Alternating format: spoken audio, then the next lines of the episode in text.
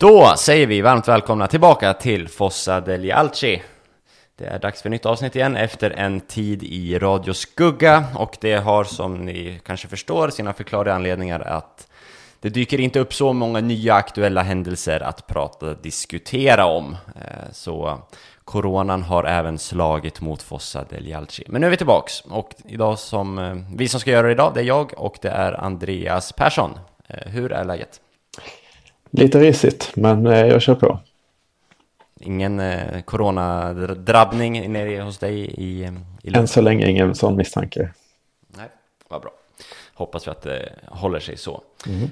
Eh, idag ska vi prata om eh, tre saker egentligen. Vi ska såklart komma in på, på coronan och, och, hur det påverkar och vad som har hänt sen sist och så. Vi ska inte göra någon lång medicinsk utläggning. Vi ska inte Eh, Eh, prata kriser, vi ska inte prata utjämnande av kurvor, utan det kan andra göra. Men vi ska prata lite koppling till Milan. Vi ska prata om Rafa Leao som har hamnat i en rejäl sits, vill jag säga. Eh, jag tror det har flugit över ganska många huvuden faktiskt, vad är det egentligen som har hänt kring Rafa Leao. Och vi ska prata, sist men inte minst, en uppföljning mot det senaste avsnittet, där vi pratade ju mycket om ledningen, vi pratade om Maldini, Boban, Rangnick och så vidare och så vidare. Det blev ju mycket reaktioner på det och Andreas Persson har ju efter det avsnittet blivit den som har lyckats eh, klå Donald Trump i flest tweets på en dag. Eh, när han, du gick ju loss där Andreas på Twitter. Många reaktioner, mycket diskussion. Det var ju kul att det blev diskussion. Det är jättekul med diskussion, det är det jag vill ha. Sen så är det en del missförstånd som jag ämnar att eh, eh liksom, frågetecken som ska rättas ut helt enkelt.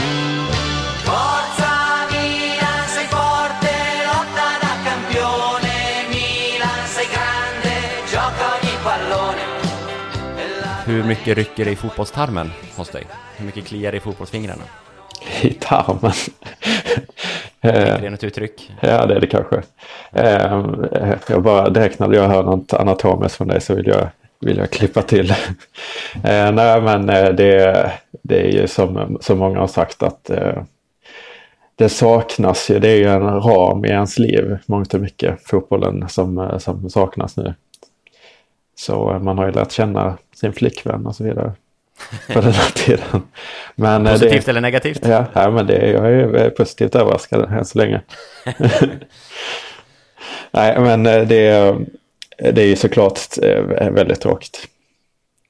Då kommer min naturliga fråga. Ska du kolla på ryck, alltså har du sån idrottsabstinens att du kommer att titta på bandyfinalen som är nu i nej. klockan ett tror jag? Nej, nej, nej. Inte? Nej. Har du någonsin sett en bandymatch? eh, så jag har något vagt minne av eh, bengaler någonstans i, i Borlänge eller vad det nu är. Det kommer väl bli tittarrekord på bandyfinalen idag från, från studenternas i Uppsala. Eh, och eftersom jag är från Västerås så just nu så spelar ju damerna, VSK bandy, är i final.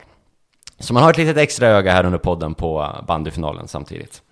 En stor sport, viktig sport i vårt avlånga land. Och Milan, var ska vi, vilken ända ska vi börja där? Alltså börja, det finns ju så mycket som redan är sagt men eh, det, det man måste konstatera är ju vilka stora problem klubbarna kommer att stå inför ekonomiskt. Ehm, det är bara ekonomi man pratar om i den här sjukdomen tycker jag. Andra tycker olika men vi eh, pratar också om ekonomi för det är det som, det är det som påverkar Milan. Eh, och ehm, jag har ju svårt att se att man ska kunna, alltså att så många klubbar ska kunna stå pall. Vi ser det i, i Sverige att supporter betalar in pengar. Eh, bara skänker till sina, sin klubb och då är det ändå AIK vi pratar om. Eh, om någon har missat det. Så att ja, det är så himla bakvänt sätt tycker jag. Man visar återigen att det är supporterna som är fotbollen för det är de som, eh, som stiger upp. Men samtidigt har vi spelarna som det är de som är, står på de stora utgiftsposterna. De spelar inte jämfört med övriga samhället. Alltså in, underhållningsindustrin står stilla. De får inga intäkter, eh, de flesta. Eh, och det permitteras eh, folk till höger och vänster olika. Jag har ju svårt att se när spelare dessutom flyger hem till sina respektive länder. De är inte ens på plats. Liksom. Varför ska de få betalt? Eh, mm eller så är det klart, de har, de har ju avtal så det är det rimliga. Men nu är vi i en verklighet med det här viruset. Och för spelarna skulle också klubbarna kommer gå omkull. Då kommer, eller eh, de löner som fotbollsspelarna har haft kommer vi inte kunna se på samma sätt tror jag fram på den närmsta tiden. För att sponsorer, allting sånt som ger klubbarna pengar kommer ju, kommer ju ha problem. Jag tror framförallt att det kommer att öka klyftorna eh, mm. mellan eh, toppen och den absoluta toppen. Eh, och vi ser ju redan nu att det är väl en handfull eh, klubbar som är på väg och sticker iväg ännu mer ekonomiskt och i det långa loppet även resultatmässigt. Och ja, den klyftan tror jag inte kommer minska med eh, den situationen vi är i just nu. En klubb som Milan tror jag kommer drabbas relativt hårt om man jämför med en klubb som Manchester City som är fortsatt Även om Manchester City har ju mycket högre löneutgifter idag så mm. har de ju också ett större ekonomiska möjligheter. Eh, och förmodligen, ett, ett, när det här väl har lagt sig, större. Jag, jag tror att det kommer öka klyftorna. Ja, det, det, får man ju se. Sen vet vi inte hur Uefa kommer förhålla sig till det. Just City har ju... Ja, eh, kanske ett dåligt exempel. Har ju det här med eh, Champions League och de kommer ju stå på mycket utgifter. Sen har City deras, var ett dåligt exempel. men de, deras, ägarna, PSG... deras ägarna har ju mycket pengar och det har ju eh, PSG som du säger nu också. Men i samband med det här corona så har vi sett att oljepriset, nu blir det kanske lite ekonomi, men det, oljepriset har ju, eh, har ju liksom sjunkit rejält. Eh, väldigt, väldigt mycket. Eh, och det är ju, jag, jag bara utgår från att det är det som är deras inkomstkällor. Jag har faktiskt dålig koll, men jag tänker att det är det eftersom de är därifrån de är och att de är stenrika. Så att eh, man vet ju inte vilka konsekvenser det får för dem heller. Men eh, det är ju ett spår som jag också tror på att eh, de rika kommer att bli kommer klara det här bättre. Men vi, visst, alltså kollade på Juventus till exempel. De har ju, alltså, de ska ju stå och betala Ronaldo nu. Eh, när han inte spelar. Mm. Precis, och vad innebär det för... Eh, vad händer, liksom vilka resultat och vilka beslut kommer tas? Vad påverkas? Vilka kommer få spela i Europa nästa år? Eh, blir det inte på sportsliga grunder och så vidare och så vidare? Eh, det är klart att det kommer ha otroliga konsekvenser. Jag, jag vet inte, jag tog nog inte det här i programmet men eh, om jag skrev det på Twitter för ett tag sedan. Eh, det har ju drunknat i massa annat kanske. Men eh, att jag eh, gillar ju inte att Mina gick ut och, och skänkte en dagslön. Eh, Just det. Ja, det skrev du på Twitter i alla fall. Ja. Jag, tyckte det, jag tycker bara det är provocerande att hela klubben går ut och skänker en dagslön. Visst, det, det tar ju emot, eller här, det är ju vad det är att kritisera någon för att skänka pengar men man måste också ställa det i perspektiv till hur mycket de tjänar. Och en dagslön, alltså då hade de inte tränat på en vecka. Så de har inte gjort skäl för sin lön. Liksom. Och eh, utifrån att så många i samhället har prestationsbaserat eh, eh prestationsbaserade kontrakt och sådär så klarar de ju inte sig om de inte jobbar. Så de står utan inkomster.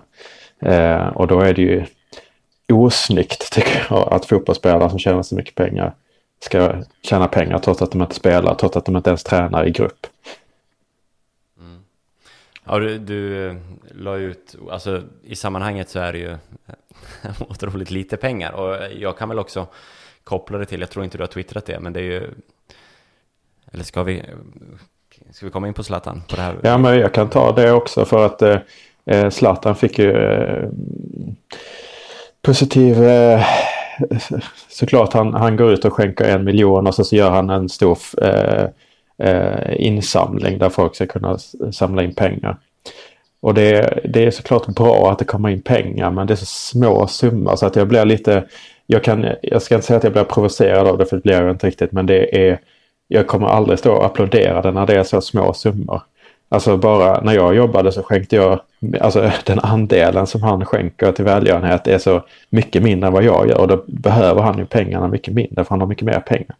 Så det, det är så himla märkligt. Eh, eh, alltså ta Zlatan så är det en miljon för honom är kanske tre, fyra dagslöner med den lönen han har i Milan absolut max och då är det liksom bara det som klubben betalar honom. Sen har han ju massa eh, eh, sponsorintäkter, massa kapitalinkomster på allting han har så att det är ju säkert vad han tjänar på en dag, alltså max en dag också. Så det, det, det är också den summan som typ en dagslön som han skänker. Och när man då inte gör skäl för sitt lön och, och jobbar så, och har så mycket pengar då kommer jag i alla fall inte stå och applådera en sån en sån åtgärd. Nej, eh, det är klart, alltså jag är så kluven kring det här. Jag håller ju med dig att framförallt när Milan gick ut och sa liksom att ja, men vi lägger en, en dagslön och mm. det blev så pass mycket ändå positivt. Det var många som liksom som sa som dig att var fan en dagslön. Men det var många, framförallt Milan-fans, som liksom verkligen applåderade och sa att Milan är den klubb som har skänkt mest mm. eh, av alla klubbar i Serie A. Det var ganska tidigt, jag vet inte om det är någon tävling eller så, men att, att Milan-spelarna var generösa och att man la så här många miljoner tillsammans och så. Och Kurva Syd hade också pytsat in och då lyckades man få ihop det till samma pott på något vis. Alltså, det är ju... Nej, jag håller med dig om att den dagslönsinsatsen, skänkning, alltså nej. Jag blev också provocerad första gången jag läste om det. Det blir provocerande då för att man får det svart på vitt att det är en dagslön. Mm. Då vet man ju hur mycket det är. Men det är ju samma sak med Zlatan egentligen. Det är bara det att han skänker en summa och den är en hög summa.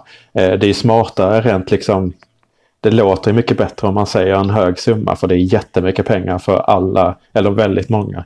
Men för honom är det ju i princip en, två, tre dagslöner beroende på hur man ser det. Ja, så är det ju.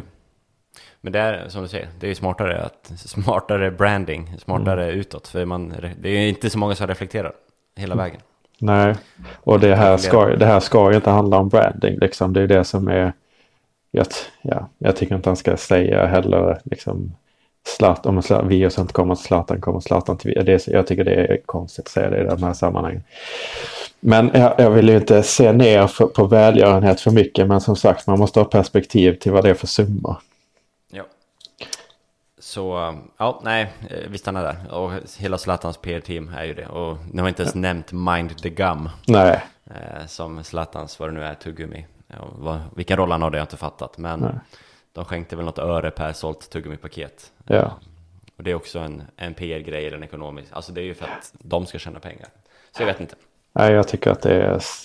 Jag tycker inte om det. Och det är så mycket, det är inte, det är inte bara Zlatan. Kolla Uefa som ska flytta eh, EM och skriver själv på sin hemsida att det här är en unprecedented act of eh, solidarity. Alltså aldrig genom tiderna har någon varit så solidarisk som Uefa är när de flyttar EM. Som är det enda, alltså de hade ju inget alternativ. Det, det hade ju inte kunnat gå på något annat sätt.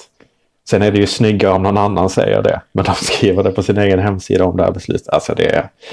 Ja, nej, det här är långt ifrån min ideologiska bild av solidaritet. Det. Säger mycket om den moderna fotbollen kanske. Så är det. Självbilden från förbund, föreningar och eh, spelare, superstjärnor, är väl inte alltid på topp. Längre. Så, så, jag har inte mycket mer att säga om det. Men på tal om summor så har vi det här med Leao också. Ja, jag tänkte bara... Ja, förlåt. I, i, nej, men det är lugnt. Sy ihop eh, coronasäcken just nu. Eh, tror du vi spelar någon mer fotboll eh, den här säsongen över? Eh, jag tippar på nej, tyvärr. Men jag, det är svårt att säga. Jag, jag tror ju mer på Sveriges åtgärder än på Italien. Så jag tror att det kommer att bli svårt för dem när de öppnar upp igen. Mm. Så vi får se. Jag tror att vi har spelat klart. Jag ja. tror de lägger ner det här och satsar nytt inför, inför eh, nästa säsong. Jag tror det är lättare i Sverige liksom. För vi har ju mer vana att spela på sommaren. Vi kan spela på sommaren. Det är inte till tusen grader. Eh, och så vidare. Precis. Eh, och då vill jag bara lyfta in det här. Hur, man, hur, alltså, hur kommer Europaplatser och så vidare fördelas? Just nu ligger väl Milan sjua. Jag har inte tabellen framför mig. Det här kunde jag kollat upp. Men jag vill minnas att Milan ligger sjua. Eh, och just nu så skulle det leda till en Europaplats för att de fyra som är kvar i eh, Coppa Italia är över Milan i tabellen. Eh, vilket, om jag har kalkylerat rätt, så borde det ju, om tabellen slutar som den är just nu eh, och Europaplatser fördelas efter det så bör Milan spela Europa League nästa år. Det blir väl lite orättvist för vi har fler matcher med spelade än de andra också. Då. Vi spelade någon match innan det eh, stängdes ner vill jag minnas.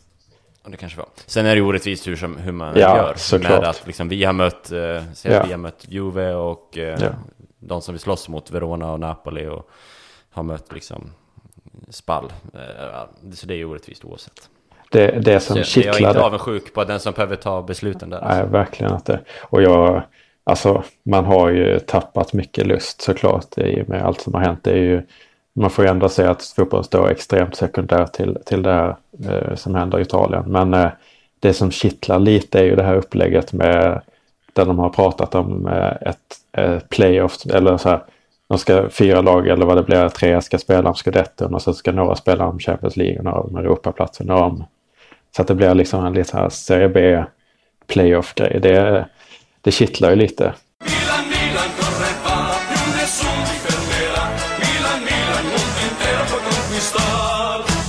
Du nämnde kort Rafa Leao, vi pratade summor och eh, bara för att uppdatera våra lyssnare om vad som har hänt kring Rafa Leao. Eh, för jag tror, som jag sa det i introt, jag tror det här flyget över huvudet på många. Jag läste mm. en notis om det och sen släppte jag det i princip. Ja, ja. Tills det var dags att vi skulle spela in och då pratade ju du och jag så fan det här är ju en ganska stor grej. Eh, men, ja, det, det är återigen här, om man bara ska dra en kort liknelse med det här med så att Zlatan ger en miljon. Man måste kolla, för oss vanliga så ser man bara en stor summa för att det är jättemycket pengar för oss. Man tappar liksom lite perspektiven och vi har varit inne på det med med eh, den här ägaren som skulle ta över eventuellt som var en av världens rikaste. Det, det är så sjukt olika summor man pratar om och här är det alltså 187 eh, miljoner kronor. Spoiler på min story. ja. Nej men så här. Eh, Rafael kom ju fram i Sportings talangfabrik, en erkänd talangfabrik. Spelade ju till sig genom juniorlagen upp i A-laget och eh, gjorde det väl ganska bra blev en juniorlandslagsman etc. etc. i Sporting. Eh, och sen under 2018 nu får någon som är dunderkoll på portugisiska ligan rätta mig om jag har fel, men det gick inte riktigt som planerat under 2018 för Sporting. Eh, man kom väl trea i ligan, vilket man i princip alltid gör efter Porto och Benfica. Eh, men jag för mig att man eh, förlorade någon cupfinal eller åkte ut tidigt i någon cup eller så, de har massa kupper i Portugal. Eh, och efter det så blev det lite bråk mellan supportrar och spelare, vissa mer högljudda spelare, liksom det blev verbala, verbalt utbyte på arenan eller utanför arenan och så efter den matchen. Och det blev väldigt infekterat mellan eh, supportrar och spelare. Eh, så egentligen dagen efter, eller dagarna efter, så stormades Sportings träningsanläggning i Lissabon av eh, supportrar, eller huliganer eller kalla dem vad du vill, men ett 50-tal ja, till synes Sporting-supportrar stormade, hoppade över taggtråd och liksom tvingade sig in på Sportings träningsanläggning för att attackera spelare. Eh, och det var inte bara verbalt, utan de hade med sig faktiskt vapen. Eh, jag läste att de hade med sig allt från liksom batonger till baseballträn till strykjärn. Eh, för nej, jag ska inte skratta. Nej, det är ju hemskt. Egentligen. Ja, men det är ett intressant Absolut. val av tillhygge. Men det är helt galet såklart. Eh, flera spelare fick liksom faktiskt stryk. Eh, Bas Dost, en, en då profilerad anfallare som jag inte hört så mycket av sedan dess. Eh, fick liksom slag mot huvudet och började blöda och så vidare. Så ja, alltså, jag, alltså jag ska inte skratta åt strykan, jag ska inte skratta åt det här, men det blev ironiskt att just han, han hade flera jack i pannan. Och är det någon, är det någon panna som är lätt att träffa så är det ju hans. Han har ju osannolikt eh, högt eh, hårfäste. Han ser ut att vara 65. Ja, också bra på huvudet. Så många ja, verkligen. bra på att träffa pannan. Han är lätt ja. att träffa pannan på. Herregud. Ja. Eh, så ja, men det var eh, egentligen en hemsk situation. Och det här ledde ju till att spelarna fick fly och eh, det var många som vägrade spela, vägrade träna efter det här. Eh, flera spelare. Och en av dem var Rafaleo som eh, ville lämna klubben. Och det sades ju då att det var en 7-8 spelare som rev sina kontrakt. Eh, och det var, blev inte så mycket, i alla fall inte här i svensk och internationell media, utan kontrakten revs och de gick till andra klubbar. En sån som Rui Patricio lämnade väl för Premier League och Rafael gick till Lille, franska ligan. Eh, det här har eh, gått i domstol, eh, idrottens skiljedomstol i Portugal. Och Leao ska ha stämt Sporting Liss, eller Sporting för att man inte kunde garantera hans säkerhet. Han stämde dem på 100 000 euro, som är ungefär lika mycket som Zlatan skänkte, eller har skänkt. Eh, medans klubben då ska ha stämt Rafa Leao på 45 miljoner euro för att eh, det här kontraktet revs inte ömsesidigt utan det var liksom eh, Leao som vägrade och tvingade bort sig själv utan, mot Sportings vilja. Han bröt alltså mot ett avtal. Och det här har nu, alltså en, en dom har fallit. Rafael fick, eh, eller han ska få, Sporting ska betala 40 000 euro till eh, Leao, men Rafael kommer också bli skyldig Sporting Lissabon strax över 16 miljoner euro. Eh, någonstans 180 miljoner eh, kronor. Det är väl en lite olika uppgifter beroende på vad man läser, men någonstans 180 miljoner kronor som Leao då är skyldig eh, Sporting eh, för det här kontraktsbrottet.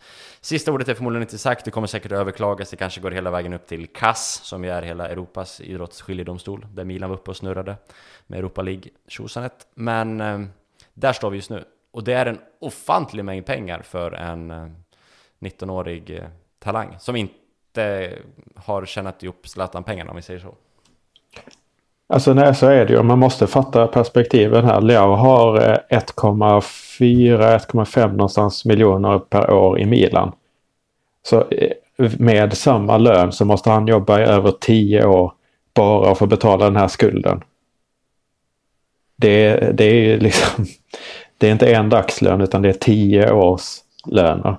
Mm. Eh, det är i princip hela hans karriär, 10 år. Sen kommer han ju om det inte står, eh, alltså om inte löneförhållandena eh, kommer förändras jättemycket av det här coronaviruset så kommer man ju trappa upp lönen såklart. Men eh, det får ju väldigt stora konsekvenser för honom och då kommer det väl förmodligen påverka hans klubbval tänker jag. För Milan kommer inte kunna betala de pengarna till honom. Nej, och det här, alltså, jag tycker att det här inte alls blivit så pass stora rubriker som det rimligtvis borde få. Jag vet inte Nej. om det här någonsin har skett, något liknande. Jag kommer inte på på rak arm. Jag har inte gjort någon gedigen research, men liksom, det här är ju något helt unikt.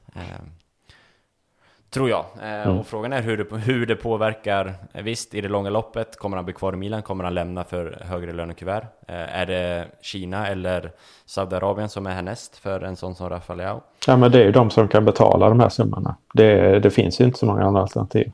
Och sen liksom om man ser det i det korta egoistiska Milan-supporterperspektivet, hur kommer det påverka hans prestationer? Hur påverkar det här? Hur påverkar en sån dom en, en människa? Mm. Förmodligen jävligt tufft för mm. en 19-åring som precis har flyttat till ett annat land. Eh, så jag är orolig för Rafael. Sen som sagt, det sista är nog inte sagt. Det kommer säkert inte landa i de här summorna ändå. Men eh, ja, coronan och det här för Rafael som sitter isolerad i sin ungkarlslya i eh, mm. Milano. Det är nog inte helt lätt. Nej, nej men det kommer ju förmodligen direkt få konsekvenser. Sen vet jag inte, han måste ju varit eh, beredd på det här för det har ju rimligen pågått en juridisk process ett tag. Liksom. Men eh, alltså jag, jag, kan inte se det på något annat sätt än att det kommer påverka hans klubbval och det kommer hamna i Kina, eh, något av arabländerna som har mycket pengar. Eh, för att det är det enda sättet att betala en sån skuld. Och det är ju jättetråkigt såklart. Ja, vi får väl se. Eh, jag vet inte om vi har några mer utläggningar kring det, men eh, Nej. jag tror som sagt att, att det är många som har missat det, inklusive mig mm. själv innan. Som, det vill bara verkligen poängtera det du säger. Stora summor, liksom, mm. och det byts mellan kronor och euro utan att man mm. egentligen reflekterar över saker och ting. Mm. Eh, man läser ju båda, båda valörerna så att säga, mm. eller valutorna. Så äh, det här det är en otrolig summa för Rafael så vi får väl se vad som händer framöver. Milan, Milan, corre va, più nessuno ti fermerà. Milan, Milan, mondo intero può conquistar. Och sen utlovade vi att vi ska prata om um, en uppföljning på senaste avsnittet. Maldini, Boban, Ralf Rangnick, ledning, Gazidis, etc. etc. Och Andreas, har du varit med om en sån Twitter-storm någonsin? Ett, inte kritik. Jag har ju på ett, ett, par olika, bland annat en tweet som du har gjort så har jag uppmärksammats i bildform.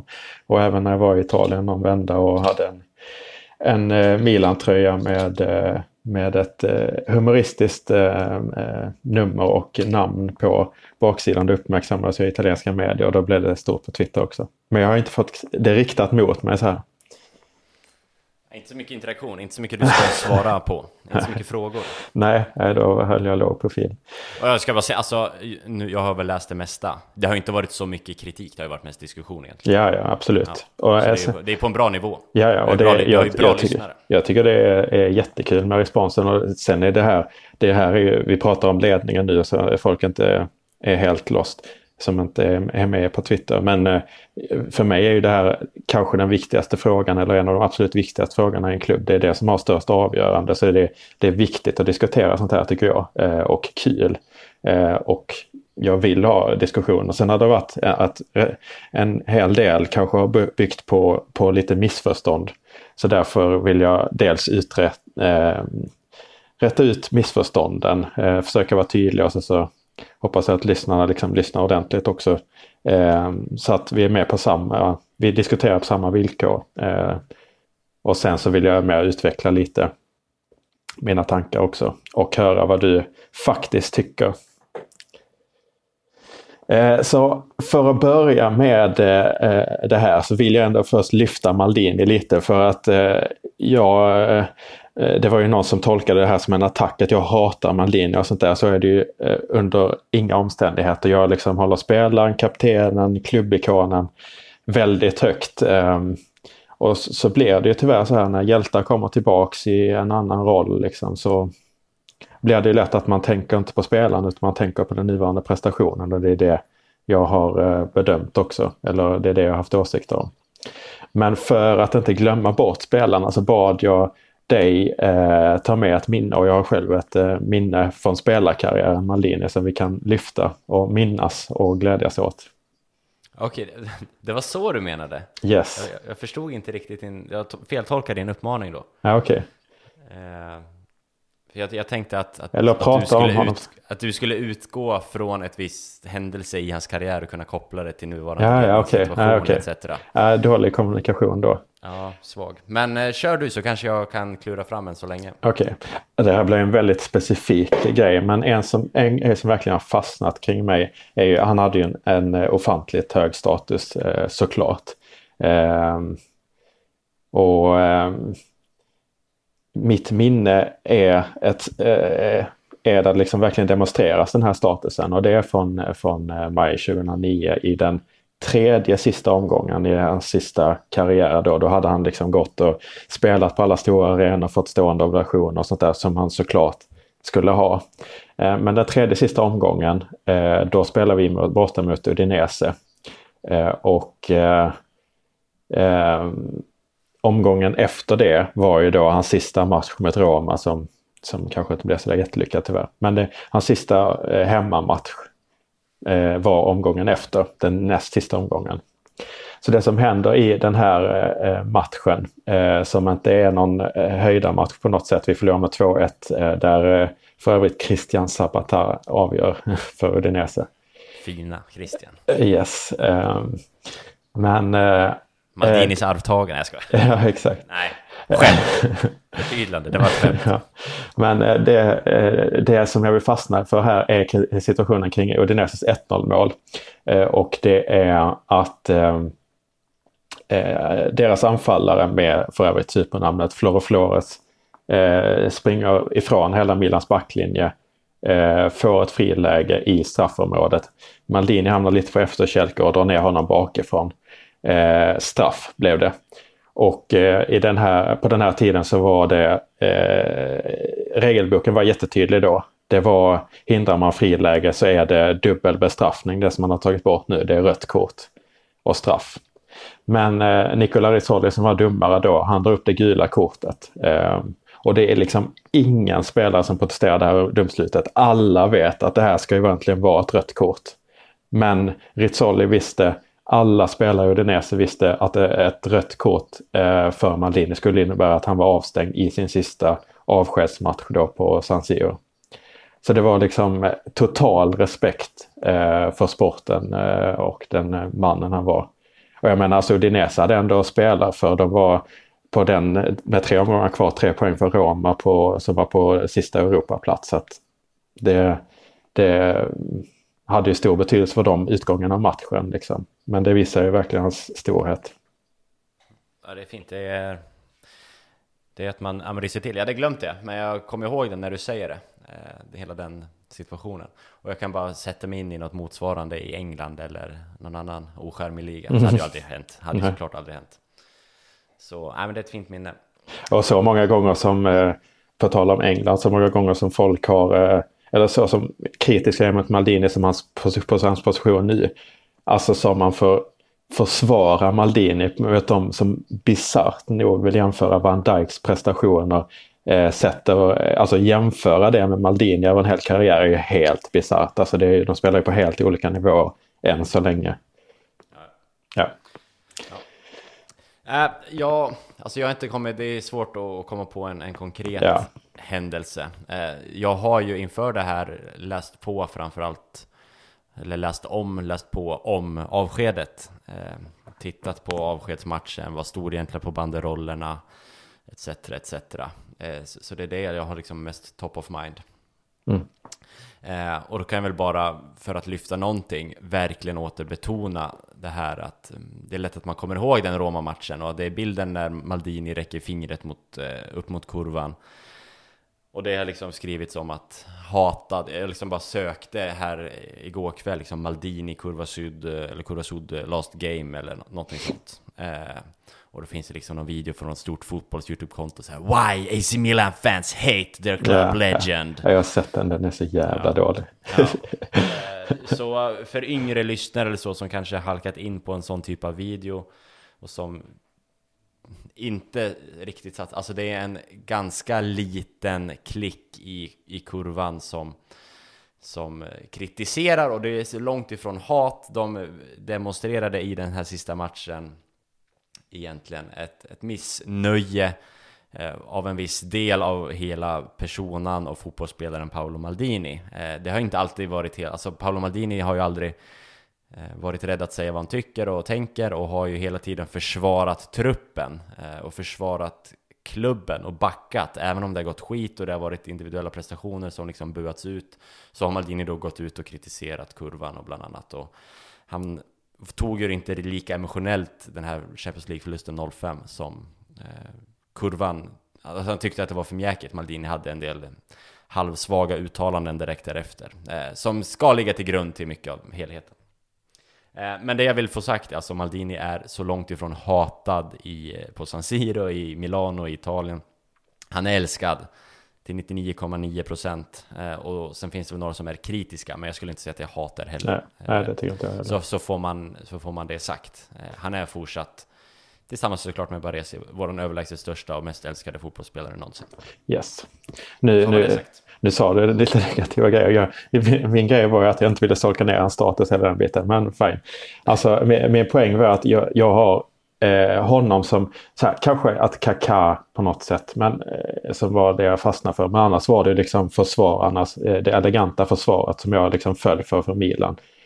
Eh, men eh, med det sagt, allt det här fantastiska om Maldini som spelar så gör jag skillnad på det här nu. Jag har massa andra hjältar med Gattuso, Ceder och Finzaghi som jag älskar. Och som är, det är svårt att välja bland de lagen som i det laget som spelade så mycket, vem, vem som är ens favoriter. Men jag har många favoriter där. Eh, men det betyder inte att jag vill ha Gattuso, Cederfeld eller Inzaghi som tränare nu. Det är ju det som är skillnaden. Eh, Eh, eller i alla fall innan de är redo, innan de har bevisat sig vara redo. Inzaghi kanske är på väg dit, det vet vi inte. Han leder Serie B nu med Benevento med över 20 poäng, alltså han går ju jättebra. Eh, ofantligt bra. Men vi vet inte det än. Så därför vill jag ta upp det här tydligt i tre eh, olika eh, grejer, för det är tre grejer som jag tänker och det, det är först och främst att jag tycker att det har varit väldigt dåliga sportsliga beslut den här säsongen. Några katastrofala. Eh, jag lastar inte specifikt Maldini för det här, men jag lastar de som har styrt sporten, vilket vi inte vet. Eh, så det ska man vara tydlig med. Eh, den andra åsikten som jag har, eller som jag, ja, jag tycker jag knappt att det här är en åsikt, men det, det här vill jag ju lyfta. Och det är att Maldini och Baban är en chansning att ha på, en väldigt stor chansning eh, ha på beslutsfattande roller i eh, den sportsliga ledningen, om det skulle vara så. Större chansning än att ta in Ragnik. Det är min åsikt där. Sen så om man frågar mig kring Maldinis förmåga att bli en bra direktör så, så är jag tveksam, högst subjektivt, men jag är tveksam till att jag, jag tror att han har en framtid som det. Så det är de tre olika, eh, om man separerar dem eh, och, och diskuterar. Så jag vill ändå en gång för alla prata först om de här sportsligt dåliga besluten som vi har tagit den här säsongen. Så som jag ser det. Eh, så att vi har det så, eh, så att vi har det på print, pränt eller vad man säger. Eh, så eh, inte enskilda försäljningar liksom eh, och sånt där. Jag, jag, är helt fin med att folk kan ha olika åsikter om det här. Det är inte det som är det stora problemet. Och enskilda värvningar, vissa kan gå fel, vissa kan gå bättre. Men det handlar om att sätta en helhet och det är det som man konsekvent har misslyckats med tycker jag. Eh, lite upprepning med det här med, med tränarutnämningen Gianpaolo eh, och den trupp han fick. Det är att eh, här fick jag ett svar från den andra Milan-podden på Svenska fans att ja, det blev dåligt men det var ingen som sa det på förhand. Eh, och då kan jag tänka att jag har med dig som vittne eh, kan intyga att jag var oerhört kritisk till att anställa Jan Paolo eh, med den spelartruppen eh, eh, som vi hade i och med att han har ett så himla inpräntat 4-3-1-2. Det sa jag ju redan i somras i vår chatt. Och jag var ja. väldigt, väldigt envis med att det här kommer inte bli bra. Inte för att Jan Paolo inte är en bra tränare men för att det, truppen inte är matchad till det här. Uh, och det är inte bara... Det kan jag skriva under på. Alltså, det har ju varit tydligt. Och det är, är vi lyfta kanske upp störst. andra namn du har sagt så, kan, så har jag vittnesmål på det också. Men det kan vi ta i något annat avsnitt. Uh, va? Nej, jag menar liksom, du pratade om andra potentiella tränare ganska mycket. Ja, just det. Som, som det inte blev, men det kan vi ju ta. Ja, just det. Ja, det kan vi också ta en annan gång. Den dagen, den sorgen. Yes. Um, Eh, och det är inte bara jag, alltså Borrell, eh, Christian Borrell som eh, har också varit kritisk för det, bara här i Sverige. Och det, jag har ingen, har ingen eh, idé, eh, tanke om att det kan bara vara vi två här i Sverige som ser att vi, alltså Jan Paolo är, är helt inkompatibel med den trupp. Det har man ju sett i Italien. Så att det, att det här skulle vara liksom en chock för någon som är insatt i Italien, det har jag svårt att se. Så det är ett jättestort misslyckande och man kan inte jämföra det med en bra värvning för att det är ett, ett kapitalt misslyckande. Det, det är det första katastrofala eh, beslutet. Eh, och sen så är det truppsammansättningen i anfallsbesättningen då framför allt. Eh, visst, man hade kunnat ha fem mittbackar istället för fyra optimalt, men då det blev vi straffade för. Men den stora grejen är hur många anfallare vi har. Man sålde eh, Cotrone och, eh, eh, och man, eh, man sålde Piatek sen och ersatte med Zlatan. Det, det är för få anfallare helt enkelt. Och Silva också. Och Silva också ja. Så det är, är de stora misslyckandena. Och ska man lyfta, jag, jag har ju hyllat Pioli som ersättare för han är ju bra att plocka in för att liksom lyfta det här spelet. Eh, för att han spelar med det bästa spelarmaterialet. Eh, alltså han spelar med spelarnas egenskaper för att få det bästa möjliga. Så om han ska rädda en säsong så är det perfekt. En väldigt adaptiv tränare. ja. Mm. Men sen kan man också säga, att han var ju inte första val. Eh, Spalletti var ju extremt tydligt första val och där tror jag att man hade gått väldigt bet. Men det är ju bara spekulation också. Men det tar ändå lite ifrån valet av Pioli som någonting positivt. Att det var en så tydligt andra val eller kanske ännu lägre ner, det vet man inte. Parentes om Pioli, jag är glad att vi har honom nu i den här krisen för han, han är en väldigt fin människa och jag tror att han eh, kan hantera en sån här situation bra. Det såg vi med Astori när han gick bort när Pioli var tränare i Fiorentina. Det eh, hör inte hit. Eh, men eh, anfallet är ju då att, att man värvar in Zlatan som är jättebra på kort sikt. Men han måste spela varje, 90 minuter varje match. Det är en sån jävla stor chansning att göra. Och, och då ska man också tänka på att han kommer in och inte är i spelform överhuvudtaget. Och han är 38 år. Han har ganska nyligen haft en väldigt allvarlig knäskada. Så att sätta det för, eh, den förhoppningen till hans liksom 38-åriga skadade menisker liksom. Eh, eh, det, det är för stor risk och det är ett katastrofalt beslut även om det är bra att plocka in Zlatan. Eh, sen kan man ha olika åsikter om att sälja Piatek. Jag tycker inte att man skulle göra det. Men där kan man ha olika åsikter. Men det är att ha så få eh, eh alternativ som är det stora problemet. Har du några in, eh, tankar än så länge? Nej, du, du alltså... är kanske i och för sig inte lika positiv till eh, de sportsliga besluten som Kerry med till exempel. Nej, utan jag har väl varit, om vi har varit tripp, trull på något vis, eh, mm. så har väl jag eh, jag håller med dig mångt och mycket det du säger och det jag har sagt tidigare i det här avsnittet, eh, eller avsnitten, så jag tänkte inte att vi skulle grotta ner oss allt för mycket. Jag mm. håller med om att eh, tränarutnämningen, eh, med den trupp han fick, bedrövlig. Eh, om det sen var Spalletti som var så tydligt första, det minns inte jag, men det kan, jag litar på dig när du säger det. Eh, och eh, att vi har en brist på anfallare håller jag med om. Eh, sen tyckte jag kanske att det var rätt att sälja Piontek, eh, men att man då kanske borde satsat på att få in en till, eh, en billigare, men ändå att ha ett rejält anfallsalternativ och, och under den, vintern. Och jag vill lyfta den åsikten för den kom från Twitter också, förlåt eh, om jag avbröt dig. Men eh, där sa man ju att, eh, att Piatek, vi har inte råd att chansa med att behålla Piatek till sommaren och se att hans värde går ner. Jag köper inte det alls. Men det är olika åsikter man kan ha. Jag tror att Piateks hans eh, värde kommer max gå ner väldigt, väldigt lite. För att man säljer inte honom när han, eh, när han är som nu har man sålt honom när han är som absolut sämst. Han har haft en fantastisk säsong och sen ett halvår. Jag, jag tycker tvärtom att det är klubbar som Real Madrid som har råd att köpa spelare. Lyckas de direkt? Nej, då... Eh, eller lyckas de direkt? Ja, då behåller vi dem. Lyckas de inte? Då säljer vi dem för vi har de pengarna vi kan göra så här. Vi kan plocka in Jovic. Flyger inte? Nej, men då skickar vi honom. Jag har väldigt svårt att säga att han skulle sjunka så mycket mer i värde om han går en hel säsong knackigt. Och då förutsätter vi att han gör det. Då förutsätter vi att han inte vänder för vi har fortfarande bara sett 33% av hans tid i Italien är dålig. 66% är jättebra. Så vi förutsätter att det går dåligt och att han dessutom inte lyckas i EM. Nu eh, kommer eh, omständigheterna att vara olika men det visste man ju inte i januari när man tog besluten. Så man kan ju inte, man kan inte skylla någonting eller eh, förklara någonting med coronaviruset för att det, de förutsättningarna visste man inte. Ehm, så därför tycker jag tvärtom. Om man jämför med, alltså, jämför med Kalinic som vi köpte eh, och var isel en hel säsong. Han tappade typ lika mycket värde eh, som Piatek har gjort.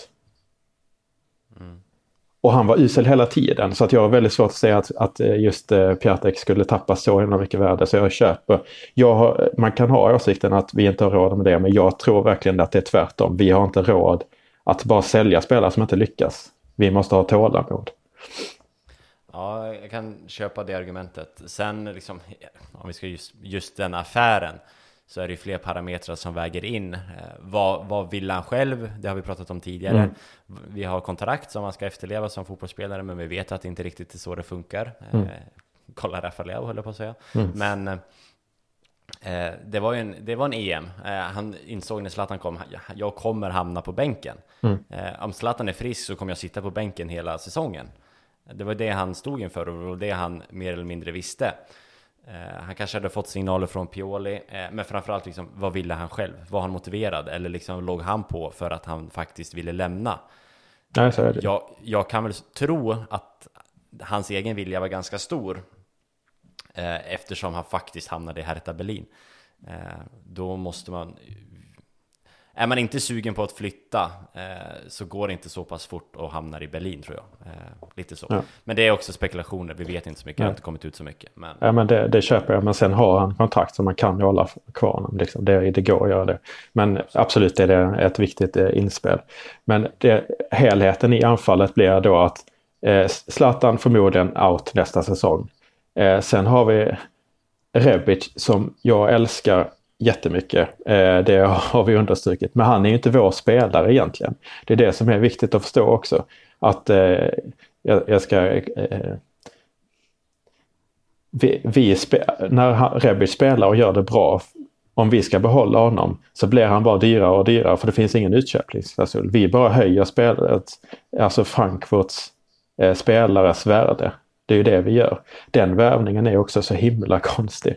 Man skickar Silva, har ingen kontroll på värdeutvecklingen på honom och sen så plockar man in Rebic som gör succé nu.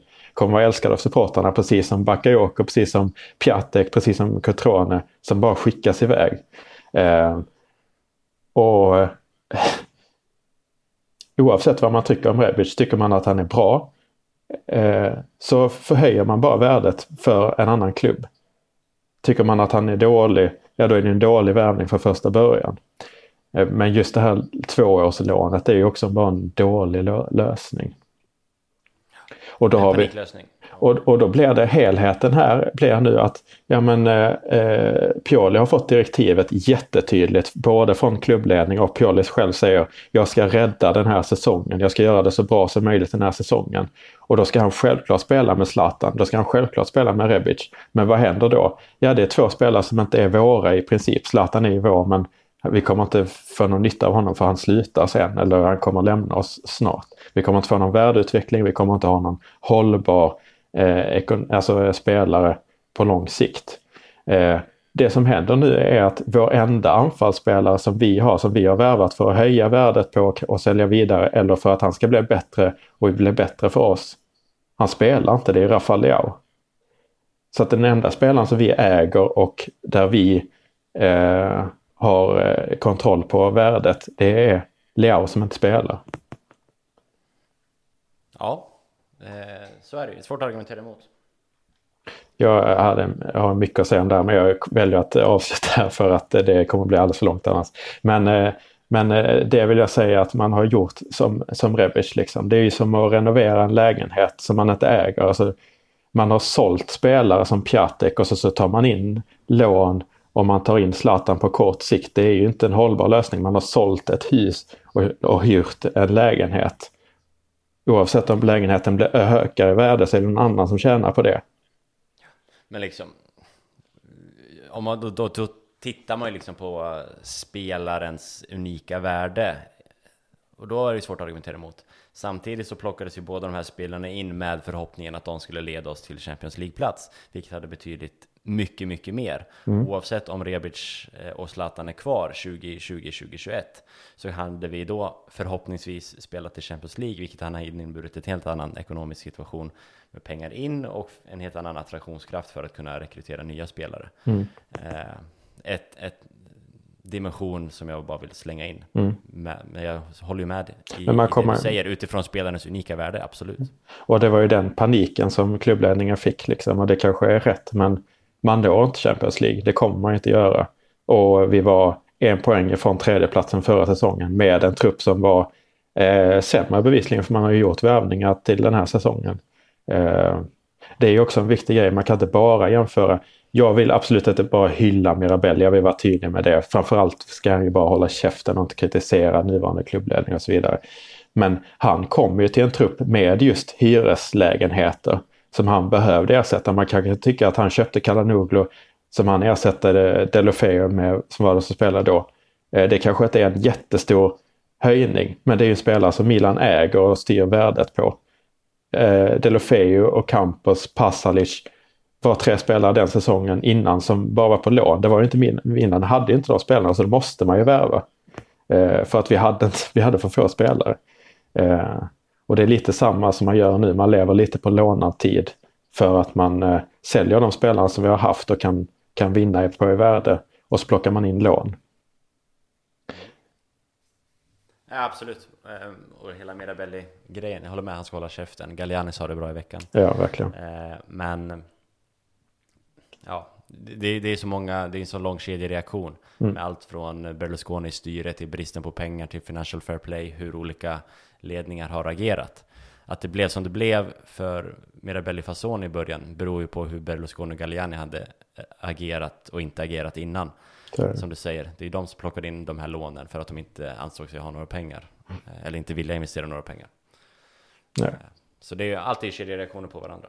Och, och den här ledningen har ju den trupp som som eh, de, har de tidigare sportsliga ledningarna, Leonardo, de har plockat ihop. Så att det är inte så att de bara har de spelarna som de har värvat in. Så. Men jag väljer att pausa här, köra en bumper och så kör vi nästa segment som är att det är en chansning. Milan, Milan,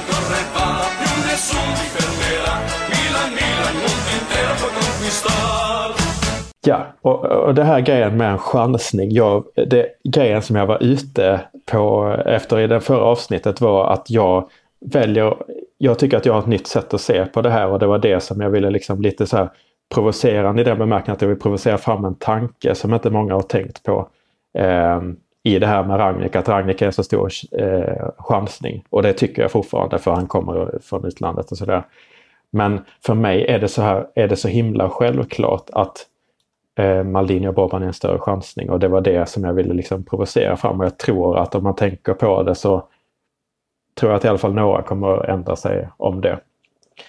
Eh, och eh, vi har pratat om, eh, inte minst på Twitter, kontinuitet är det viktigaste. Det är det som alla vill ha. Men nu pratar vi om en enskild, alltså kontinuitet, men vem som helst är bäst.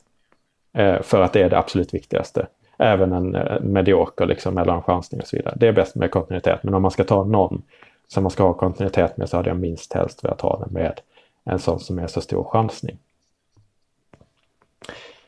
Eh,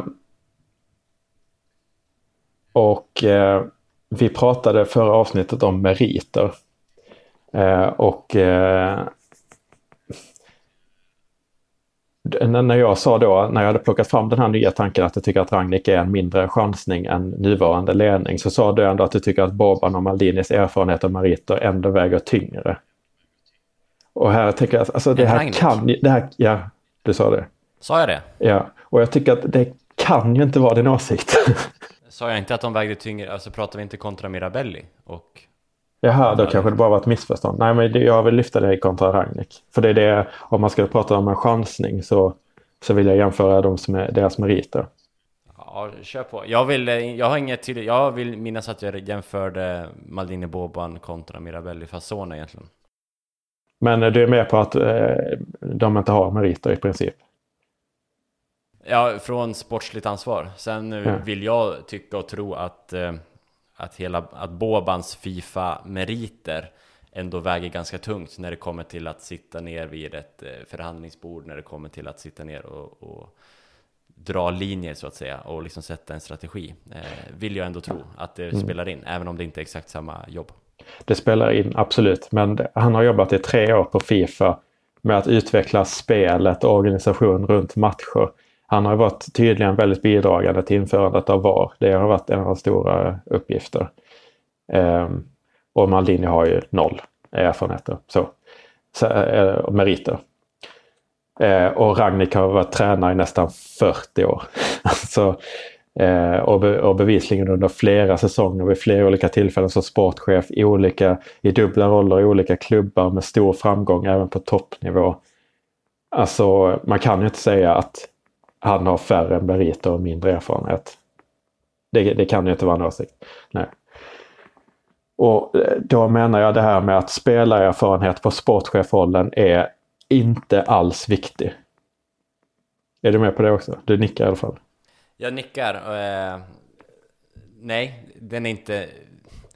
Så här. Eh, jag håller med om att Ralf Rangnick har ju betydligt större erfarenheter. Ja, jag håller med om. Eh, sen, som jag också sagt, eh, tror jag vi sa i senaste avsnittet, att Paolo Maldini, om vi nu pratar vid förhandlingsbordet, mm. eh, så en sån som Theo Hernandez exempelvis, som är ett ganska konkret mm. exempel i min fördel här, men eh, att, att det väger tyngre att sitta i en förhandling med Paolo Maldini ett kontra exempelvis Ralf Rangnick för en sån, för att allt vad Maldini, eller Maldini har gjort och genomfört och allt vad han står för. Ja, det, men det kanske är just i den specifika förhandlingssituationen eh, där Maldini väger tungt. På samma sätt som, om vi ska ta det till ett svenskt exempel, som att eh, Hammarby nu använder Zlatan i liksom övertalningsprocesser och skypar Zlatan när det ska värvas en spelare från Sierra Leone typ. Mm. Ja, alltså det är jag helt med på. Det inget tvivel om att Maldini var avgörande för att plocka Theo Hernandez Så det har ju varit en fantastisk värvning. Så det är ju en bra prestation men det är så liten del av en hel... Om man ska prata om honom som sportchef och sportsligt ansvarig, det är inte säkert att han har den rollen och det, han kanske har en bra roll. Det vet vi inte. Men de, eh, om, om, man ska snacka med att han ska liksom bestämma på sportslig basis så, så har han liksom noll erfarenhet.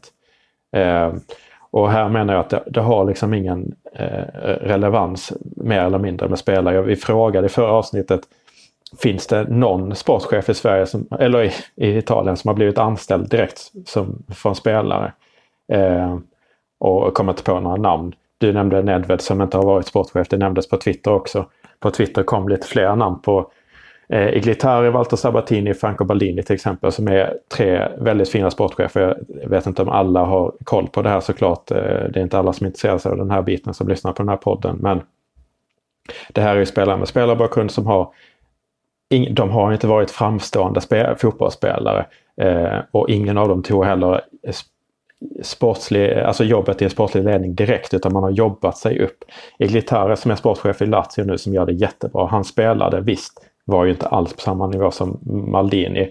Eh, men jag menar på att till exempel han pratar sex språk. Eh, det är ju en vikt, mycket viktigare faktor som sportchef än att han har, kan slå inlägg liksom som Maldini kan eller något, något sånt. Eh, och, och, och, även han var liksom, han jobbade sig upp i Lazios organisation väldigt länge och han har gått en sportchefsutbildning på Coverciano. Eh, Coverciano är den tränarutbildning som finns på, som är enastående i Italien. Men eh, som också har en sportchefsutbildning som, eh, utbildning som är en av de bästa, eller som är den bästa i världen. Ja, det är väl Italiens motsvarighet till Bosön. eh, För Florens. Ja, ja, ja, ja, ja precis. Så geografiska platsen heter väl också Coverciano? Exakt. Eh, och, nej, så att det är andra faktorer som spelar in. Sabatini som också är, han har varit i många olika klubbar och lång erfarenhet. Men han spelar framförallt i lägre divisioner. Han var tränare i åtta år innan han i, under två år så jobbade han sig upp från tränare till sportchefsrollen i den klubb som han debuterade som sportchef. Baldini, inte heller framstående spelare. Han, han äh, blev inte direkt någon sportchef äh, utan att ha äh, utbildning eller meriter heller utan han jobbade sig upp först som eh, jag läste lite olika, så extern rådgivare till Mercato-rådgivare och sen blev han sportchef. Han, man liksom jobbar sig in i den här rollen så man behöver erfarenhet och eller utbildning. Eh, så ingen av de här har varit framstående spelare. Eh, så det är liksom inte själva egenskapen fotbollsspelare som jag menar på är det som har gjort dem till bra sportchefer utan det är andra grejer de har gemensamt. Eh, som gör att de lyckas. Vi ser ju extremt få fotbollsspelare som lyckas bevisligen. Så det är ju inte just egenskapen fotbollsspelare som är, är viktig här. Eh, och dessutom så har de ju börjat i mycket, mycket mindre klubbar än i Milan. Så det är inte bara det att man kastas in i en helt ny roll eller kastas in i en eh, eh, beslutsfattande roll i Milan eventuellt då direkt eh, och inte har jobbat sig upp utan det är också att man kastas in i en storklubb direkt. Så även om det är ovanligt med utländsk människa så är det ännu ovanligare med eh, att göra så som Milan har gjort med anställda två eh, helt omeriterade på den här posten tidigare. Ja, det... eh, jag håller med dig. Sen, alltså jag vill bara åter, du säger eventuellt, och vill, vi vet som sagt inte vem som egentligen gör vad i den sportsliga ledningen. Vi har Masara, som ändå har erfarenhet, som mm. verkar i bakgrunden mycket, som vi inte har nämnt idag. Vi har nämnt honom mycket tidigare. Eh, bara för att sätta det i en, i en annan kontext också. Eh, Precis. Det, det... Men sen, sen håller jag med dig, alltså det jag tänker, ja men Maldini är, har den här upplärningsrollen just nu. Mm. Det är det jag sitter och tänker och hur jag ska formulera det på ett bra sätt. Men, Nej, men... visst, det är ju också i Milan, det är inte i Padova eller vad det kan tänkas vara. Ja, men det är en jättebra poäng för det kan ju vara så och då är, är det hyfsat fine ändå. Men då ska han ju inte tillskrivas heller att han gör någonting bra. Eh, utan det, och vi vet inte vem som gör vad. Det var liksom det är en grej. Sportsliga besluten som jag pratade om i förra segmentet har varit dåliga. Någon har tagit de besluten. Vi vet inte riktigt vem. Men att om det är Boban och Maldini som gör det, då är det en större chansning än att ha Ragnik. Det är min andra poäng. Eh, för liksom oavsett om det kommer från utlandet och sånt här. Det här är liksom en... Vi har aldrig sett en så här stor chansning i italiensk fotboll tidigare på sportchefspositioner om de har avgörande positioner. Nej, nej, jag... Ja, alltså jag, jag vill ju ändå stå fast. Jag håller, jag håller med i dina argument, men jag håller inte med om slutsatsen. Eh, vad, håller du inte med om? Alltså att jag vill ändå tro att det är mer långsiktigt och en mindre chansning att behålla Boban och Maldini än Ralf Rangnick. Som är dessutom nu, sist vi poddade så kändes han väldigt klar. Det gör han inte just nu. Nej, så är det. Jag kan väl tro att han kommer ändå kanske, men eh, han är inte klar. Alltså hela den kombinerade tränar-manager-rollen, den har vi väl aldrig haft i Italien, någonsin, oavsett vem du är och vilken nationalitet du kommer ifrån. Det är inte faktumet att han är tysk, som han pratar väl också för övrigt bara tyska, möjligtvis engelska. Eh, den gode Ragnik, om vi pratar språk. Ja, han hade engelska enligt eh, Filip var att eh, han hade ja. engelska eller tyska i, i eh, omklädningsrummet. Så liksom att gå han in och ska förhandla på den italienska marknaden på tyska eller på engelska. Eh, tror jag kan bli tufft. Han behöver också någon rådgivare förmodligen, liksom, någon mm. som kan eh, översätta hur det funkar i Italien. Liksom. Och sen, har liksom, sen har jag sagt det också, jag sa det senast, jag sa det nu i någon annan podd jag gästade, Klacken, Klacken-podden, eh, mm. att ska, ska man byta eh, så är ju Ragnik en väldigt, väldigt, det är en bra. Alltså jag tror mycket väl att det kan bli bra. Mm. Eh, jag, vill, jag vill absolut inte slå ner det som en dålig potentiell värvning, för jag tror det kan bli bra. Det kan bli bättre än vad Maldini Boban visade på den korta sessionen de var inne. Eh, men då, pratar vi åter chansningar. Eh, och jag vill tro att det är en större chans att det går ännu bättre för Maldini Boban. Sen har inte jag lika många rationella argument, så det kan man kanske stå sig platt om man jämför din utläggning kontra min lite kortare för... utläggning nu.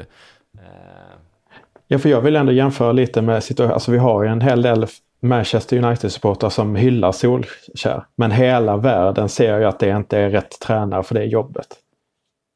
Det handlar ju om, alltså så här, okej, okay, eh, vill du ha Gattuso som tränare? Idag, nej. Varför inte? För att han inte är tillräckligt bra. Ja. Som tränare. Nej. Han har inte visat tillräckligt mycket att han har en, en spelidé som passar Milan. Nej. Och på samma sätt har de här ju visat noll eh, tidigare. Ja, tidigare. Men jag tycker ändå att vissa grejer de har gjort nu är bra. Och det är alltså, jag väljer att, att se det positiva eh, i det här. Jag tror på det. Eh, jag, alltså så här, det, det, kommer låta så jävla platt.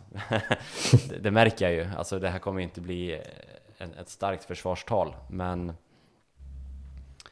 de positiva saker de har gjort i år är så pass positiva. Vi pratar om ett, om ett totalt värde på en trupp eh, tidigare eh, idag och de värvningarna som ändå, alltså Milans truppvärde måste ju ha ökat i år.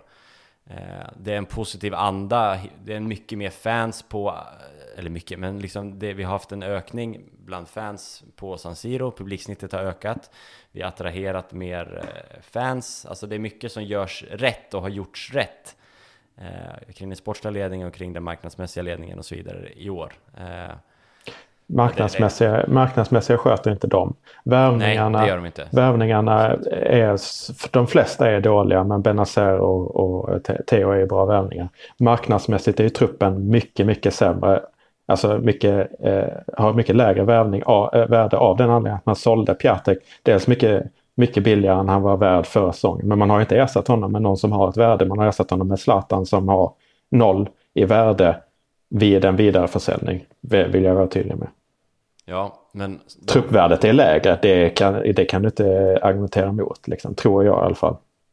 Man har ju sålt. när vi börjar säsongen? Ja.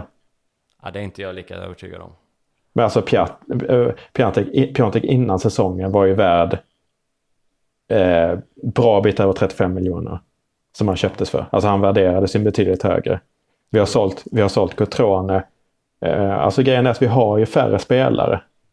Eh, ja, men alltså, sån, om vi tar Benazer är värd mycket mer. Hans värde har ju tredubblats. Eh, Theo Hernandez värderas som en av de är, mest... Är Benazer värd 70 miljoner? Vad värvades han för så pass mycket? Alltså, äh, kanske inte så mycket, alltså, runt 20 va? Det blir ju relativt platt eftersom jag inte har förberett. Jag har inget papper framför mig, jag kör mycket på magen nu.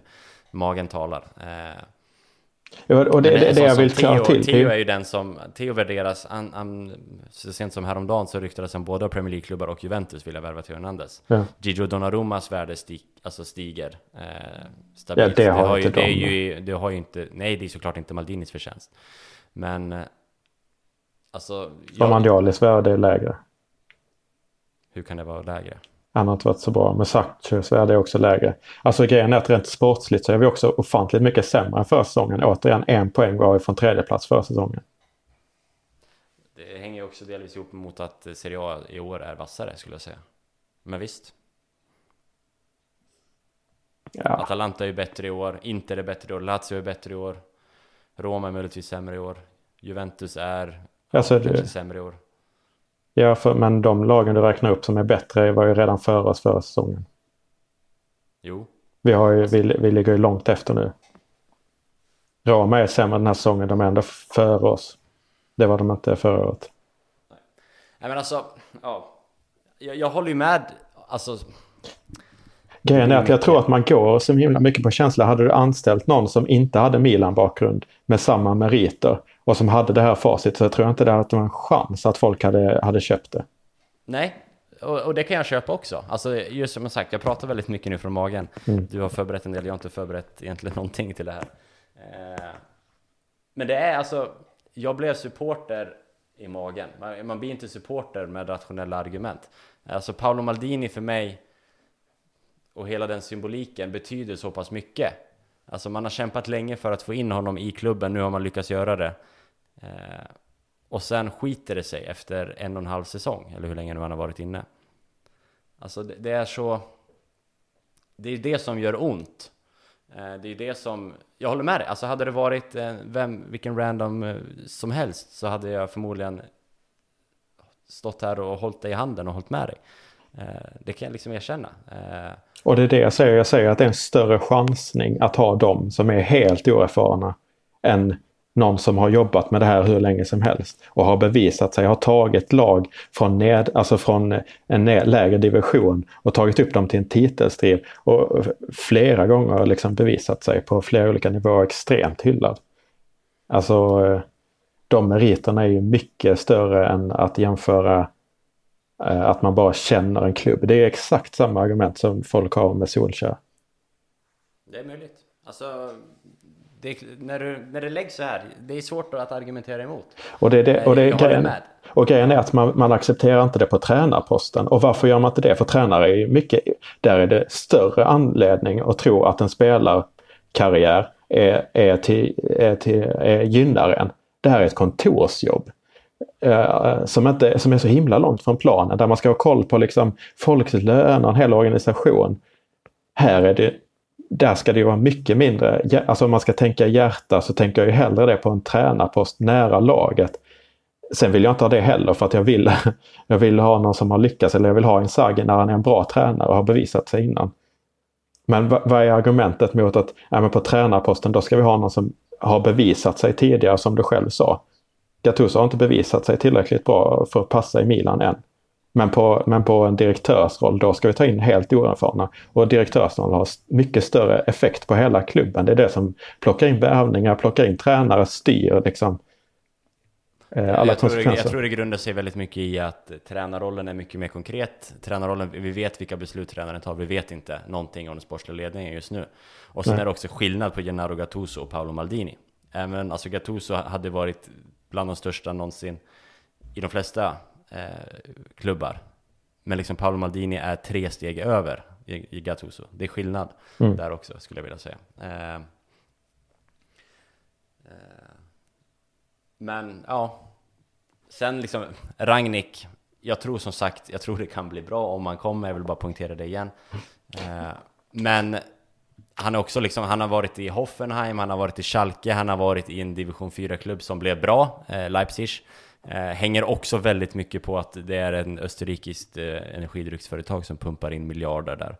Eh, på ett sätt som eh, och så investerar i allt från faciliteter till mm, psykologer, till medicinare, till naprapat. Alltså de har ju satt allt. Eh, det är en, en, helt annan helhet. Eh, så, man går liksom, så det, mycket ska såklart tillskrivas Rangnick för framgångarna i bland annat Leipzig. Men och, och, och jag, vill också, jag vill också understryka att på samma sätt så kan ju Boban och Maldini bli bra, men det vet vi inte. Vi kan vara oense om att det har gått bra eller dåligt den här säsongen, men om jag inte får säga, och det tycker jag inte att jag ska få göra, kritisera dem för enskilda, för det sportsliga beslutet, för vi vet inte vem som gör vad. Men då kan man inte heller hylla dem för det som har gått bra. För vi vet lika lite där vem som har gjort vad. Och att hylla så här speciella värvningar, det är ju en grej, men det är så en liten grej. Den stora grejen är helheten och det är exakt samma som de andra sportcheferna har gjort i Glitar och så vidare. Att de gick från att eh, vara liksom så här rådgivare, gick från att vara transfer, alltså Mercato-rådgivare eh, och kunna värva enskilda spelare. Men sportchefsyrket är så himla mycket mer än att bara värva enskilda spelare. Det handlar om att sätta en helhet och det är det viktigaste och det är det som jag upplever att man har misslyckats med kapitalt. Så även om man har värvat några enskilda bra spelare, fantastiska värvningar, eh, så är det inte helheten. Nej, det är det inte. Alltså hel, hel, helheten i slutet landar ju, alltså vi landar ju egentligen rimligtvis i tabellen. Alltså det är det, det är där det ska utspegla sig egentligen vad som händer. Vi kan sitta och tycka det är dåligt att, att, att Milan bara är en anfallare, men om det blir bra resultat i tabellen så är det ju det som på något vis talar.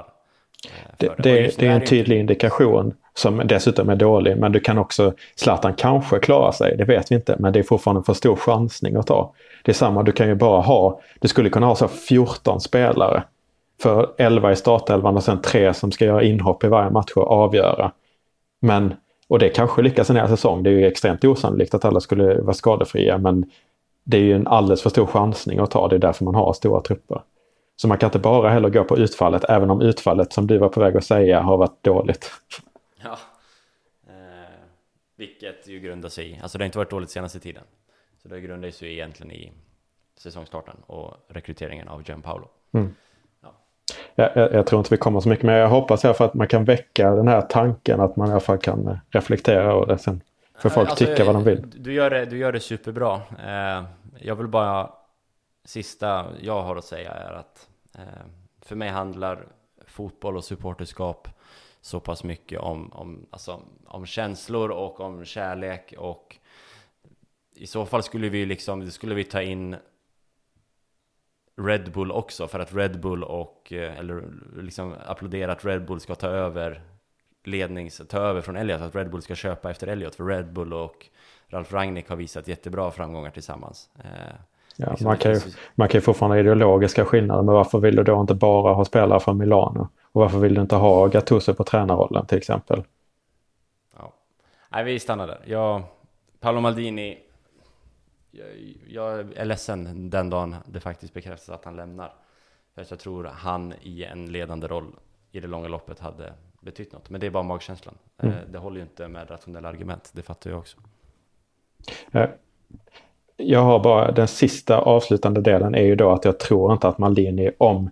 Vi spekulerar inte i eh, om de här sportliga besluten är bra eller dåligt för Milan, men jag tror inte att Milan är bra eller att Maldini kommer att bli en bra direktör. Det är bara min högst, högst subjektiva åsikt och den kan jag bara redogöra för väldigt kort.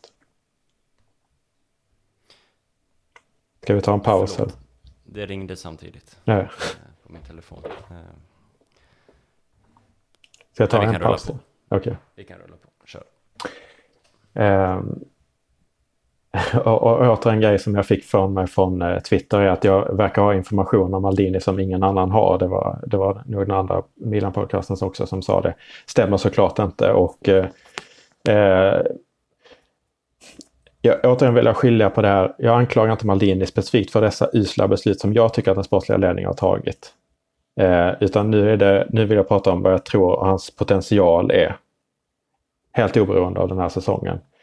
Eh, för jag är skeptisk till hans potential som, och det är jag inte alls en, eh, ensam om i Sverige eller Italien.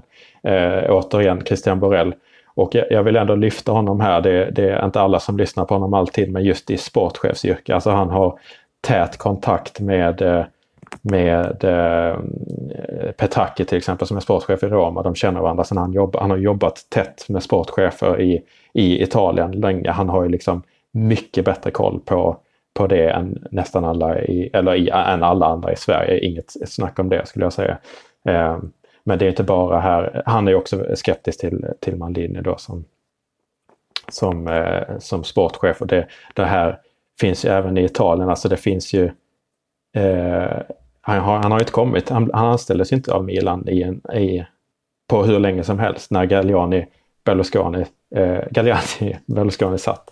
Och det var ju för att man inte tror på honom. Det är, det är ju så. Eller kanske att de inte har någon personkännedom, det vet man inte. Men det var ju tydligt. Galliani går väl inte ihop? Nej. Ganska etablerat. Ja. Men eh, fortfarande, alltså det, det, var ju liksom att eh, Maldini ville ha en viktig roll. Eh, medans eh, till exempel Franco Baresi har ju varit i klubben jättelänge men han har ju liksom någonstans ambassadörsroll som, som inte har någon sportsliga viktiga beslut som han tar. Eh, så att de var ju också tydliga med att han skulle få någon viktigare roll och även när de har lämnat så har det ändå tagit till ny. De lämnar inte förra säsongen. Det har ju, alltså Maldini har ju inte anställts av klubben innan så att det är inte... Det är ju, finns, måste ju finnas en anledning till det för Maldini har hela tiden varit eh, tydlig med att han vill tillbaka. Han har ju verkligen suttit och inte gjort någonting eh, fram till nu. Vilket eh, folk också har ifrågasatt på Twitter men så är det. Han har själv sagt det när han kom. Eh, så att eh, alltså alla de grejerna som jag ser på de andra sportcheferna som har varit spelare, det ser jag inte liksom i, i eh, Maldini. Återigen, jag älskar honom som spelare, det har vi pratat om tidigare, men um, det, mycket grundar sig i att direkt när han kom så, så stod han för väldigt konstiga eh, eh uttalanden. Eh, jag ska plocka upp den här intervjun, den är väldigt kort. Eh, Ehm, eh, han, direkt när han blev anställd så, så eh, eh, tyckte han det var jättejobbigt. Eh, det gick han ut och sa. Eh, han, eh, eh, han sa att äh, jag betalar nu för de här nio åren som jag har bara vilat och inte gjort någonting. Eh, det känns av nu. Jag har bara haft två jobb i, i, i mitt liv. Det är som fotbollsspelare och nu är det som direktör. Ehm, och jag har eh, den här liksom det här jobbet som direktör, det är jättejobbigt, sa han. Jag, jag blir jättetrött, jag blir utmattad av det här. Telefonen ringer hela tiden. Eh, när jag var spelare så kunde jag liksom slappna av när jag kom hem. Nu måste jag tänka hela tiden. Eh, visst, det fanns liksom spänningar när man spelade stora finaler och sånt där, men det här det, det var jag van vid. Men det här är mycket mer stressigt. Eh, det här nya jobbet. Eh, och eh, han sa också så här, låt mig vara eh, ärlig om en sak. Det har aldrig varit mitt livs dröm att jobba på ett kontor. Det är ganska tydliga indikationer. Eh, han fortsätter också beskriva jobbet och det är det här som det, det här jobbet handlar om att skapa relationer. Det, och det tycker jag det, det, är rätt så jobbigt. Liksom. Innan här kunde jag bara fokusera på fotbollen. Eh, den här typen av uttalande gjorde han. Liksom. Och jag tycker det är ganska tydligt. Han, han beskriver vad man behöver som direktör till exempel. Det här med att skapa relationer, stora kontaktnät, ha hand om en hel organisation, sitta på ett kontor. Och det är väldigt stor skillnad på att göra det och spela fotboll. Eh, och uppenbarligen tycker att, han är, att det är väldigt tufft. Det är ingen, ingenting som han vill. Däremot så sa han också att eh, han, det som han tyckte var kul var när han fick komma tillbaka till Milanello och hälsa på laget. Och det är väl någonstans, det kanske han ska göra då. Vara någon slags klubbikon. Och det kanske det han är, det vet vi inte. Men jag tycker inte att han ska ta avgörande sportsliga beslut. Inte för i alla fall, han har bevisat att han, eh, att han kan göra det när han internt har liksom stigit i hierarkin. Men ska han liksom, men han kan ju vara sån som visar att spelartruppen, det här betyder det att spela för Milan. Var en, en, en, en liksom uttala sig kring grejer eh, sitta på läktaren, kanske åka till Madrid och övertala spelare eh, att gå till Milan eh, för, för att de ska tro på det här projektet och sånt där. Perfekt. Men att ta avslutande, avgörande beslut som en sportchef, det ska han inte göra, tycker jag, innan han har bevisat sig. Och jag tror inte att han kommer att lyckas på det, för jag ser inte att han har potential. Men det, det sista är ju min högst personliga subjektiva åsikt. Det är ju ganska intressant för jag har ju såklart läst de här också, men lagt dem långt ner i byrålådan och förglömt dem, mm. Eh, de här intervjuerna. Men det är ganska motsägelsefullt då mot allt liksom det vi pratar om, att han ville ha en stor roll, vad det berott på att han inte har kommit in. Mm.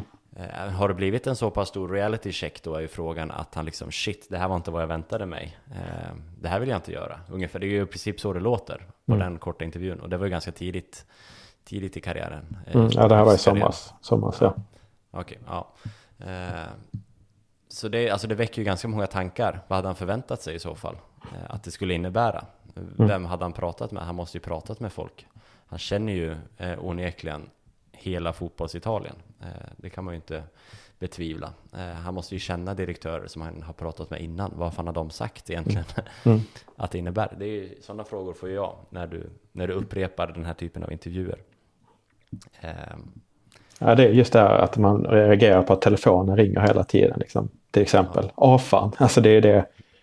Och att bygga relationer. Vad tror man att, vad har man för förväntningar på yrket som du säger?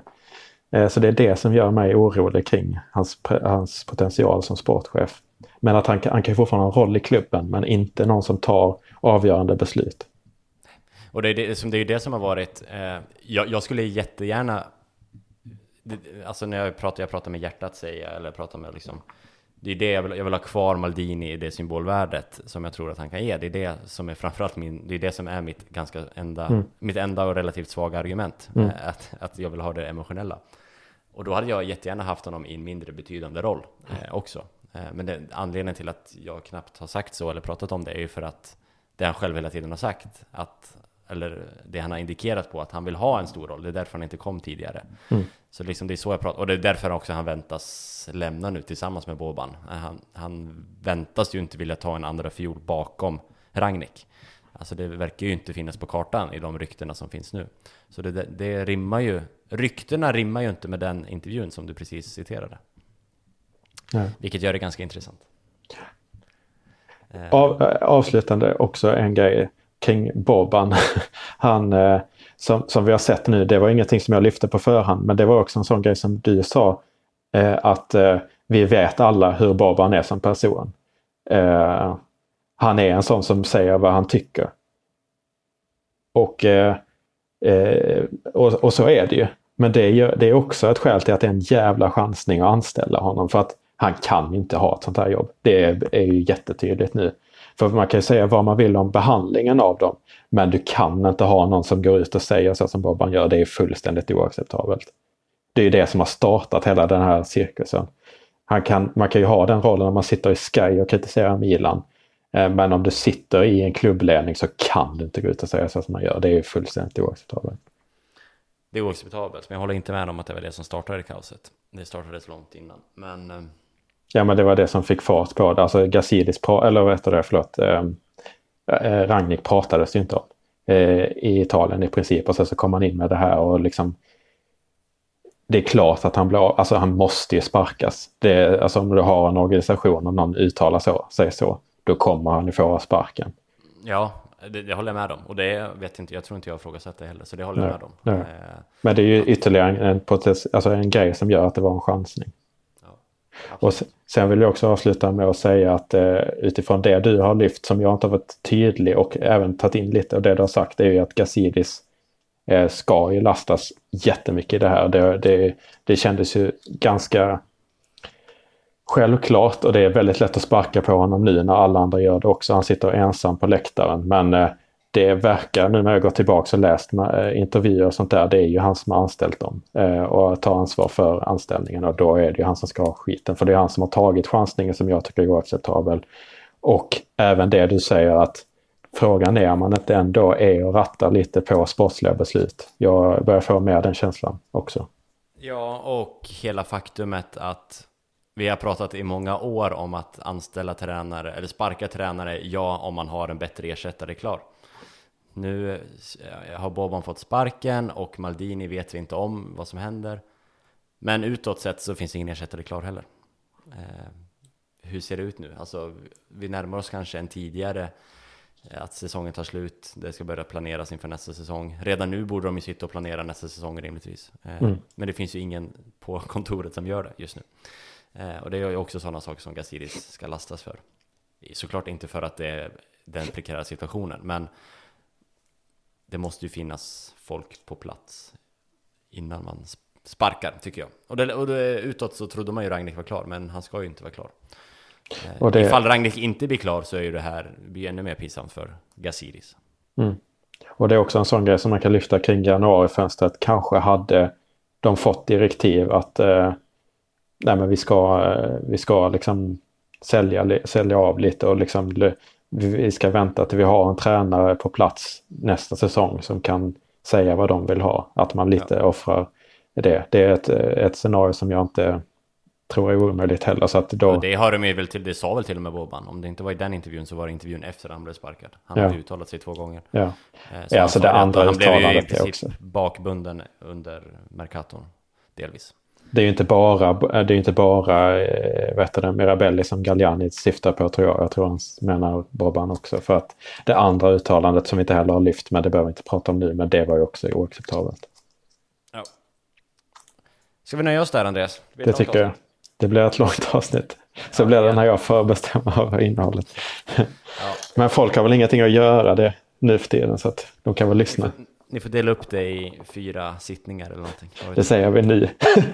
när folk redan lyssnat. Ja. De ser det när de laddar ner avsnittet. Ja. Ja, så Uh, Men jag är nöjd att jag har fått eh, redogöra och jag hoppas att jag har väckt eh, lite diskussion, eller lite tankar i alla fall. Ja, du, väck, du, har väckt en del tankar i mig, absolut. Du sa det inför att du ska i princip syna vad det är jag tycker egentligen. Och det har du lyckats med, eh, delvis. Eh, så nästa avsnitt kanske jag har vänt, jag vet inte. Men eh, jag står ju fast vid att, att för mig handlar supporterskapet mycket om, om, om hjärtat också. Sen eh, kanske hjärtat ibland tar över hjärnan och det är väl det som har varit en svaghet i Milan under många år kanske. Jag vill också ha hjärta, men eh, just på den positionen vill man ju ha som mest hjärna. Om man ska välja mellan hjärta och hjärna någonstans så vill jag ha det där. Så kan man säga. Följ oss på... Ska vi avsluta med Kovasuds ord eh, eh, Andra tutto bene, dopo Istanbul che Atene. Alltså allting kommer att bli bra efter Istanbul kommer Aten. Det är ju med hänvisning till corona givetvis. Mm. Ja, banderoller i Milano här i veckan. Det låter bra. Eh, efter regn kommer solsken, efter Aten kommer... Eller efter Istanbul kommer Aten. Yes. Nu har jag suttit här i eh, solskenet och svettats. Jag har nog tappat som en hockeymålvakt eh, i prime-säsong. Jag har tappat 14 kilo vatten eller någonting. Så nu ska jag ut och fylla på vätskedepåerna och ut i solen den här fina vårdagen. Mm. Eh, tack för att ni har lyssnat. Följ oss på Fosso Delialci på Twitter. Eh, såklart, interagera gärna med oss. Eh, antingen via det kontot eller via våra personliga. Ni finner dem där via Twitter, ni som kan det där. Och tills dess, Eh, ha det gött och tvätta händerna. Ciao.